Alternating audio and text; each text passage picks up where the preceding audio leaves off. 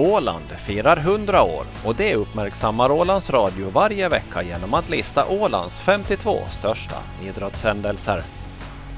Hösten 2004 bildades Åland United och början på en framgångssaga som pågår ännu tog sina första stapplande steg. Säsongen 2005 spelade laget i division 1 och det med framgång. Laget tog sig till kval till ligan. I den första kvalmatchen var det Pallogirot som stod för motståndet på bortaplan.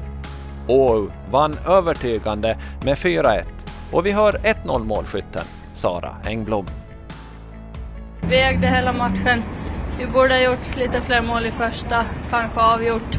De hade en målchans som de gjorde mål på, men vi ägde hela matchen. Hur kom det sig att det gick så bra då? Ja, vi hade jättebra inställning. Spelet fungerade jättebra. Det kändes att eh, övertaget fanns där fast eh, ni fick det där olycksaliga 1-1 mot er då. Jo, för vi hade som sagt eh, spelet hela tiden så vi kände att det var ingen fara. Beskriv ditt eget mål här. Hanna kom på kanten, fick, så fick jag en perfekt passning in i mitten så var jag helt fri och la den sidan målvakten. Det var alltså 1-0 målskytten för Åland United i segermatchen mot Palojerot och hon heter Sara Engblom. De övriga målen gjordes av Matilda Mörn, Rebecka Björkvall och Hanna Salmén. Nu väntar dubbla möten mot KCC om en plats i FM-serien och den första matchen spelas inkommande helg på hemmaplan för Åland United. Och matchen spelades i Marcusböle och det blev hemmaseger med 3-2 och publiken fick se en rivstart av Åland United. Marika Mörn kommer i straffområdet, har fritt läge, passar inte Sara Englund. Hon har fritt, skjuter i mål! Och det är 1-0 till Åland United efter, ja, en halv minut om ens det. Ja, United tog ledningen efter 30 sekunder genom Sara Engblom på pass av Marika Mörn. I tolfte minuten blev det 2-0 till United. Målskytt Sara Engblom, även denna gång framspelad av Marika Mörn. I 20 minuten slog Marika Mörn själv in 3-0 till United, framspelad av syster Matilda.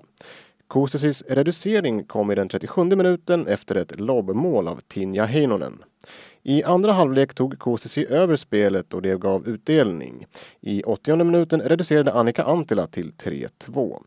I slutminuterna var Sara Engblom nära att bli tremålsskytt men missade ett friläge och det blev inga fler mål i matchen.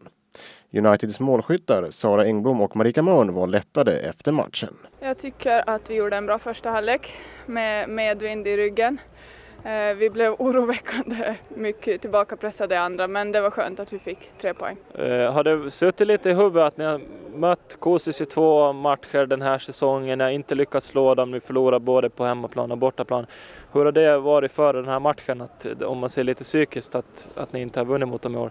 Nu tror jag att det har satt sig lite i våra huvuden och speciellt eftersom vi senast gjorde en bra första halvlek då också, ledde med 1-0 i halvtid och så släppte vi in 4-0 i andra. Så jag tror vi var lite oroliga i halvtid nu också, men vi klarade det. Eh, vad säger du Sara nu om uppladdningen den här veckan som kommer? Returen spelas ju om eh, en vecka. Eh, hur tror du på eh, matchen nästa lördag? Hur kommer den se ut? Förhoppningsvis så ska det gå lika bra som den här matchen men de har ju som sagt fördel av hemmaplan men, men om vi spelar som i första idag så ska det nog gå vägen. Och det sa Sara Engblom. Och det var Dan Sjöblom som intervjuade och Tommy Karlsson Ravström som var reporter. En vecka senare, den 15 oktober, var det dags för returmatch i Lahtis. Åu hade ju hemmasegern att gå på och de höll för trycket. Tillställningen i Lahtis var mer målsnål än den första matchen och det gjordes bara ett mål. Och det målet var åt rätt håll. Åland United vann med 1-0 och det var en överraskad målskytt i Sofia Björklund som inte riktigt kunde förstå vad hon hade gjort. Nej, absolut inte. Det var nog helt otroligt, helt oförväntat. Den bara kom.